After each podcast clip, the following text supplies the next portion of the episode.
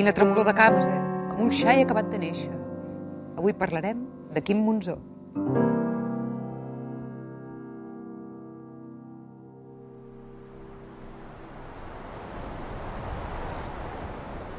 L'any 1952, quan ja fa molts anys que a Catalunya no hi ha ni dinosaures, ni binocles, ni persones que caminen enrere dient «ho has de provar», neix Quim Monzó, el noi de l'Eixample. El xaval del xamfrà coneix la literatura a partir del bibliobús. Té prohibit llegir novel·les perquè, segons diu la seva mare, «t'han llegir novel·les, t'han llegir novel·les, acabaràs idiota». Les mares tenen més raó que un sant. El bailet del Pla Cerdà estudia arts gràfiques a l'Escola Massana i treballa fent dibuixets. Bé, potser és una simplificació, però des de la redacció d'aquest programa no sabem molt bé què fan ben bé els dissenyadors gràfics. Després d'escriure alguns guions, l'Isard dels Passos de Zebra passa a ser corresponsal de guerra. Va cobrir conflictes des de la trinxera, coneixent-lo una mica sobretot des del bar de la trinxera. Després de l'experiència periodística, comença a escriure relats i contes breus. A poc a poc, va filant el seu estil propi i personal, un estil més plagiat a Catalunya que l'empollon de la classe quan el professor va fumar el vàter. Els contes de la neula urbana són com el vermut. Te'ls empasses, et fan riure, et foten una bona hòstia, però et deixen viure. Els seus finals sempre són un cop de puny a l'estómac, com el vermut l'endemà. A més a més, Quim Monzó també escriu una columna a La Vanguardia, ha fet discursos i ha creuat l'estret de Gibraltar a sobre d'un dofí escocès. Eh, però bé, això últim no ho podem assegurar. Continuarem parlant de Quim Monzó, però abans donem la benvinguda al nostre especialista en Dina 4 i plantes crasses, Udai Garcia. Déu vos guarda, Elisenda. Déu vos guard, ja pots portar les plantes dels teus peus, dirigir-les cap aquí i acompanyar el nostre convidat de nou, Toni Soler. Què tal? Un plaer tornar-te a tenir. A, a mi també, no, no, no, no em mouria d'aquí. Ah, molt bé, doncs escolta'm, ja ho saps, et posem un gibrell i un llitet i ja, i ja ho tenim. T'he de fer una pregunta obligada. Uh -huh. Quin és aquell llibre que no llegiries mai? Aquest llibre que no llegiria mai. Sí. Uh, el, uh, qualsevol anuari de o Vademecum del Col·legi de Metges de uh, Teruel. Jo, tot el que vingui de Teruel en general tampoc no, No, no llegiria gaire. Excepte els, els amantes, els amantes de Teruel. Ah, tonta ella, tonto ell. No s'arriben a tocar, eh, aquest parell. Fan, fan llàstima. Fan llàstima. Mm. Parlem d'en Quim. Sí, en Quim, un dels millors presidents que hem tingut mai. Jo tinc el seu cromo, cinc estrelles té. Però-. Les que toquen dir? Però, Udai, aviam... Uh, això... Quim, no, que li agradava menjar frankfurts, eh? Dels millors presidents del món, eh, jo t'ho diria. Ja, però és que ara mateix no, és que això no... Quim Torra, no? No, no estàs parlant del nostre Boris Johnson. Estàs parlant d'aquest o no? Quin susto, jo pensava que parlaves de Kim Jong-un. Ah, no, aquest no és el nostre res. Ja, però és president. També es diu Quim, és veritat. Quim Monzó va començar ah. sí, fent, fent de reporter de, de guerra en llocs eh, tan importants com, per exemple, Vietnam o Cambodja. Eh? Això no ho sabies? No. Doncs mira, va ser així, va ser així, va ser així. De fet, va estar en llocs molt perillosos, o tan perillosos com el dia de portes obertes del zoo, de portes obertes pels animals, s'entén. Cambodja o Vietnam, dèiem, dos llocs molt perillosos. És que, a veure, no, és que no estem parlant de- d'una batalla de navalles a la Barceloneta. Eh, no, no. no, no. Cambodja i Vietnam! Que sí, que sí. Que sí, sí, sí. I a l'avantguàrdia. És que aquest tio és un supervivent, eh? Me'n faig càrrec. Per això us volem preguntar, quin és el lloc més perillós on heu estat, Toni? Jo he estat a la redacció de La Vanguardia. Uh, ja que ho deies. I, I què tal? I col·laborava, feia articles i tal, i els, els anava a escriure allà. I, bueno, no, no, vaig, vaig sobreviure. Escalf. Gràcies. Uh, Necessites una abraçada? no, no, no, no, no, no, no. Fa, fa temps d'això ja, fa temps, fa temps. Ja. Bueno, ho estàs dient per primera vegada obertament davant de Uh, Catalunya? Bueno, sí, hi ha, hi ha moments en què un ha d'obrir-se en canal, saps? I, i d'això. I, bueno, espero que uh, algú de Netflix estigui veient això per preparar la, començar a preparar la sèrie. Fer un Georgina? Un Georgina sobre el meu pas per la Vanguardia. El veurem. El veurem, Toni. Udai, Mira, el meu um, lloc perillós és un moment. Deixeu-me explicar-vos un moment perillós que té a veure amb el tema d'obrir-se en canal, no jo, sinó perquè a casa, uh, ara ja no, però fa anys matàvem el porc i aquí ho lligo amb aquest tema. I um, abans venia un matador a casa, en Jordi. Sí. Val? Jordi, si ens estàs veient, puta mare, Jordi. I eh, en Jordi feia una cosa que el porc un cop ja és mort, ja has fet tot l'engorro de matar-lo, llavors l'has de socarrar. Li passen un suplet i el, el pelen, i amb el ganivet el repelen perquè li surti tot el pèl. Ah, mira, això és d'agrair, Udai, perquè al moment que menges morro fregit és desagradable trobar trobar-te un el, pèl. per, el pèl aquell que si es repela bé, d'això no hi hauria de ser. Ara. Val, ja ens entenem. I això en Jordi ho feia amb una bombona de botar i posava un suplet i, i socarrava l'animal.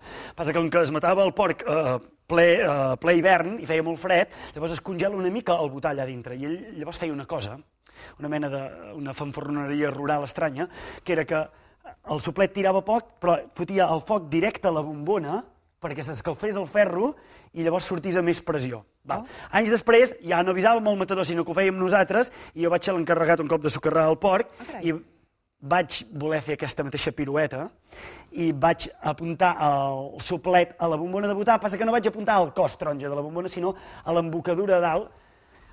Es va encendre la part de dalt i va començar a treure flames i de cop vaig fer com un gesto matusser i ho vaig apagar. I no va passar res, però vaig pensar, he reunit aquí la meva família, tots els meus amics veniu, farem una celebració i acabava d'encendre una bombona de botar de manera totalment innecessària i bueno, no va passar res, però vaig estar a punt de sortir a la portada del 9-9, tranquil·lament. Ah, molt bé. I has sortit alguna vegada, tu, Toni, a la portada del 9-9? Veus? Aquesta és la meva signatura pendent. Doncs aviam si posem fil a Però que no l'agulla. sigui socarrant un porc. Tampoc he posat en perill de mort a la meva família. Bé, aquí cadascú el seu. M'entens? Vull dir, amb això, vull dir, en Godai és un referent i jo no, no, Mhm. no, no, no, no m'hi acostaré mai. No encengueu bombones de votar eh, És- davant de cap familiar, per exemple, podríem dir. Molt bé. D'acord. A més, Quim Monzó va revolucionar el món dels contes, això també ho sabem, oi que sí? És per això que segurament el dia que mori, el dia que falti, doncs és molt probable que es creï un premi, el premi al millor conte breu, eh, anomenat Quim Monzó. Eh? Això passarà. Hi haurà una gala, hi haurà una catifa vermella, hi haurà Premi Quim Monzó, que serà el cap del Quim Monzó, Vaja. tot de bronze, tot el cap. Per dins també, eh? bronze, tot. El Monzó d'or, serà? El Monzó... Bé, si vols eh, posar en categories de bronze, de plata, d'or, i llavors a partir d'aquí eh, definim quin és el millor conte. Per tant, nosaltres preguntem, en quina cosa creieu Hauria de destacar, ser... però? Perdona, perdona, perdona. No, però estic, m'estic imaginant el bust. Crec que hauria de ser... com- Saps els gossets del cotxe? Que fa... Així, Vols dir que estona? portin una molla? Ah, Per sí, què? Perquè- perquè Monzó té tendet. Recordaria Sí, més la sí, personalitat de sí, Monzó sí, sí. si fos eh, retràctil. I a la, Ja part, ja està, la, i la però- part de darrere que fos gosset o Elvis, d'aquests que es No, posen no, no, darrere. si és un cap i prou, cap i- vale. només cal que el cap estigui en una molla. I llavors sí. Però aquell t'entrega el premi i el premi va fent Si així. és cap i prou, sembla bé, però jo crec que ell li agradaria més que fos cap i Cap i pota. pota, però sí. bueno. Li encarregarem en plensa, que ho faci ell. En quina cosa creieu destacar prou, dèiem, Mm. com per mereixer un premi amb el vostre nom? Toni? Eh, eh, ja existeix un premi amb el meu nom. El, eh, existeix el Memorial Toni Soler d'Enduro. Que, que... Oh, carai.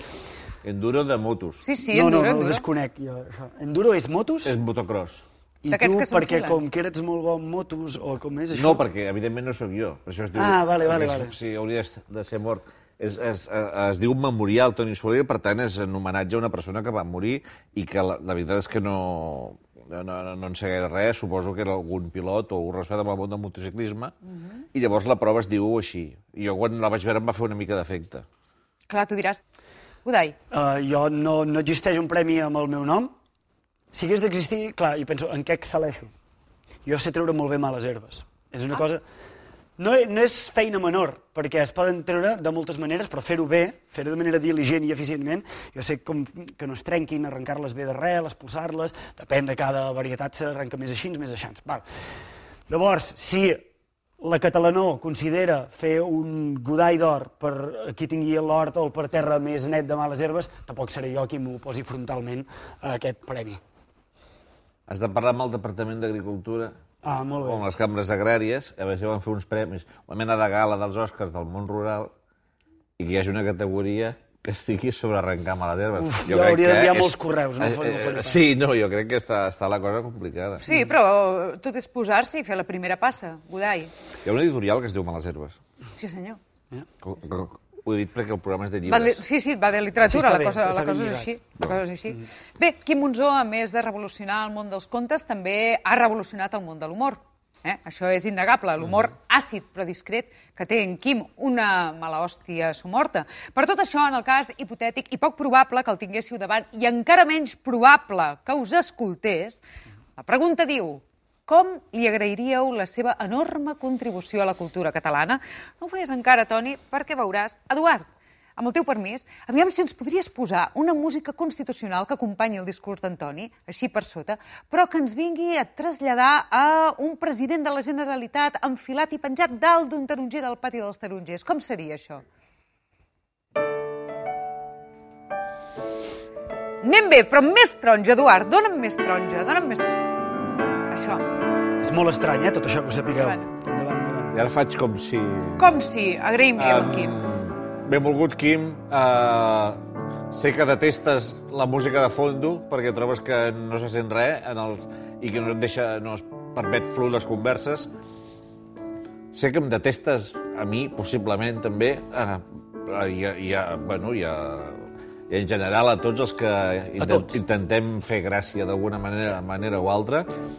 Uh, però com a lector dels teus, uh, dels teus contes, aquí va el meu agraïment per tot el que has escrit i la meva recança per tot el que no has escrit en els últims anys per dedicar-te a fer articles que estan molt bé, però que a mi, francament, preferiria que escrivissis uh, narrativa. Visca Catalunya. Visca. Gràcies. No podem fer més que aplaudir aquest discurs, Toni. De debò. Gràcies. Molt Bueno, encertat, molt que si no encertat. seria molt raro, també, que no aplaudíssiu. Sí, bé, aviam, també tothom és lliure de fer el que li doni la gana. Això, això també és una opinió. D'acord. Godai, eh, et posem també aquesta música de coixí, una t'acompanyem. mica de vitamina C d'aquesta que tocàveu. Exacte. Quim, moltes gràcies per la teva creativitat. Moltes gràcies per la teva imaginació i sobretot pel teu humor irònic, eh, que és el que necessitava Catalunya, eh? una capa més de nihilisme que ens separi de la realitat, perquè quan finalment ens eh, matin la cultura i ens matem nosaltres mateixos la llengua, almenys podrem fer un anàlisi super sarcàstic de tot plegat que ens, fa, ens farà sentir superiors malgrat estar en una tomba cultural. Gràcies, Quim. Era això, Elisenda? Jo ara no aplaudiré perquè no he entès res. No, jo tampoc, era... Però tu això ho has dit sense entendre. Sí, però és una cosa que en Quim... Agrairà. No ho sé, tant me fot ja. D'acord. Va dir nihilista.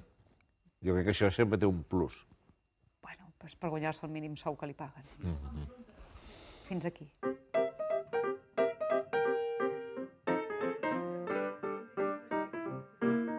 Vinga, Godai, què toca fer ara?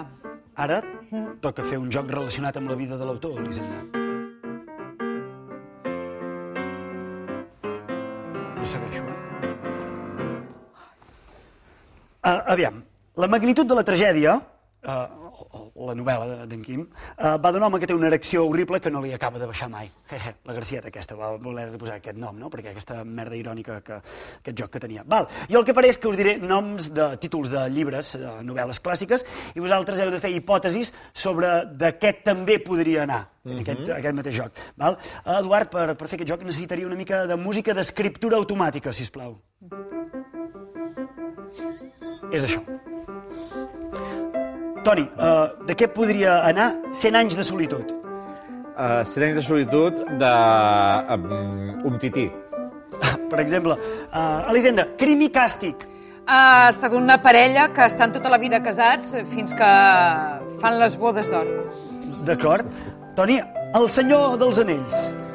Uh, el Senyor dels Anells podria ser perfectament... Um, I, de fet, és una biografia d'en Samaranc. Vaja, uh, Elisenda, la Divina Comèdia. Ah, la Divina Comèdia és la història del procés. D'acord. Toni, la història interminable. Mm, També podria ser una, un llibre sobre el, sobre el procés o...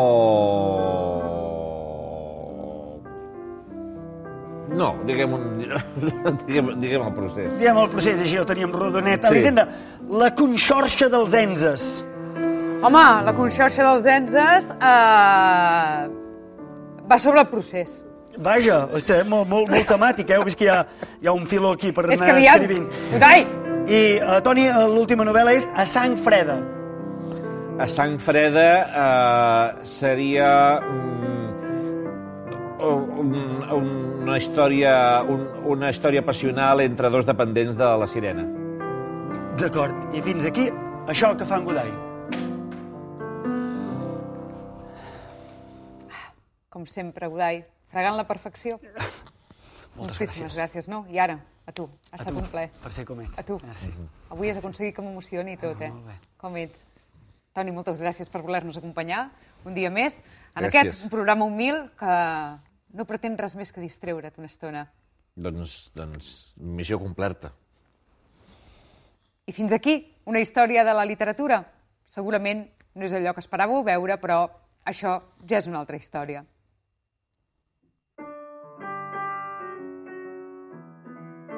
Guifré, quina bona idea que has tingut de dedicar el menjador a Quim Monzó.